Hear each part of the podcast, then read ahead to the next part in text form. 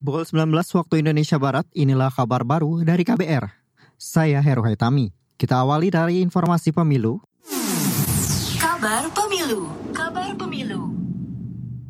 Saudara Ketua DPP PDI Perjuangan Puan Maharani menyatakan partainya terbuka jika PKB ingin bergabung pada poros PDIP dalam pemilihan presiden pada pemilu 2024. Pernyataan itu disampaikan Puan usai bertemu Ketua Umum Partai Kebangkitan Bangsa PKB Muhaimin Iskandar hari ini. Dua tokoh partai yang juga sama-sama menjadi pimpinan DPR ini bertemu di rumah dinas Muhaimin Iskandar di kawasan Widya Chandra, Jakarta. Ya kalau buat PDI Perjuangan kami membuka pintu. Kami akan selalu bersilaturahmi, namun saling menghormati dan menghargai terkait dengan apa-apa yang sudah pernah dilakukan atau dijalani oleh semua partai. Karena semua partai itu pasti mempunyai uh, strategi, punya target, punya visi dan cita-cita masing-masing. Jadi saling menghargai, menghormati tanpa kemudian uh, adanya tembok-tembok, namun semuanya itu bisa dibicarakan secara terbuka dengan uh, santai. Itu akan menjadi sangat penting buat PDI Perjuangan. Ketua DPP PDI Perjuangan Puan Maharani menambahkan tidak ada syarat tertentu bila PKB ingin berkoalisi dengan PDIP, khususnya untuk mendukung Ganjar Pranowo sebagai bakal calon presiden yang diusung partai berlambang banteng tersebut. Puan juga menyebut nama Caimin masuk dalam daftar potensial untuk mengisi posisi bakal calon wakil presiden pendamping Ganjar. Kita ke informasi selanjutnya, Saudara Kepolisian memastikan akun media sosial palsu yang digunakan para buzzer untuk menyebarkan berita bohong atau hoax tetap bisa teridentifikasi.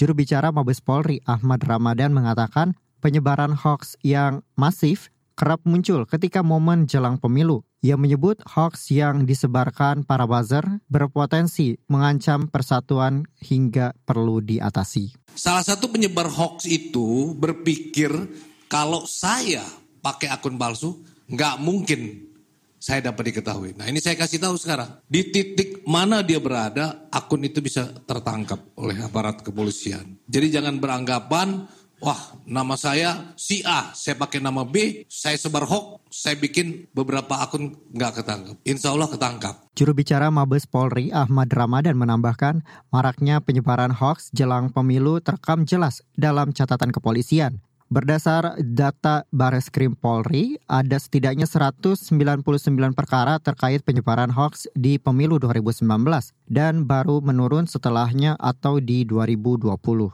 Kita ke informasi selanjutnya, Saudara. Komnas Perempuan menyebut kekerasan berbasis gender di lokasi bencana alam merupakan fenomena puncak gunung es. Anggota Komnas Perempuan, Reti Ratnawati, mengatakan kekerasan berbasis gender ini juga turut dipengaruhi budaya patriarki yang berlaku di masyarakat. Dikutip dari Antara, Reti mencontohkan situasi di tempat pengungsian, ruang tidur hingga MCK terbuka, dan tidak adanya bilik mesra membuat perempuan rentan menjadi korban kekerasan berbasis gender di lokasi bencana. Reti mengatakan kasus kekerasan berbasis gender dalam konteks bencana pertama kali tercatat dalam pendataan catatan tahunan Komnas Perempuan 2006 di mana disebut ada empat kasus kekerasan seksual di lokasi pengungsian gempa di Aceh. Catatan tahunan Komnas Perempuan 2010 juga mencatat lima kasus kekerasan dalam rumah tangga dan satu kasus pengintipan dalam pengungsian bencana di Wasior, Papua. Pada 2018, Komnas Perempuan mencatat kerentanan perdagangan orang pada situasi bencana di Palu. Pukul 19 waktu Indonesia Barat, inilah kabar baru dari KBR.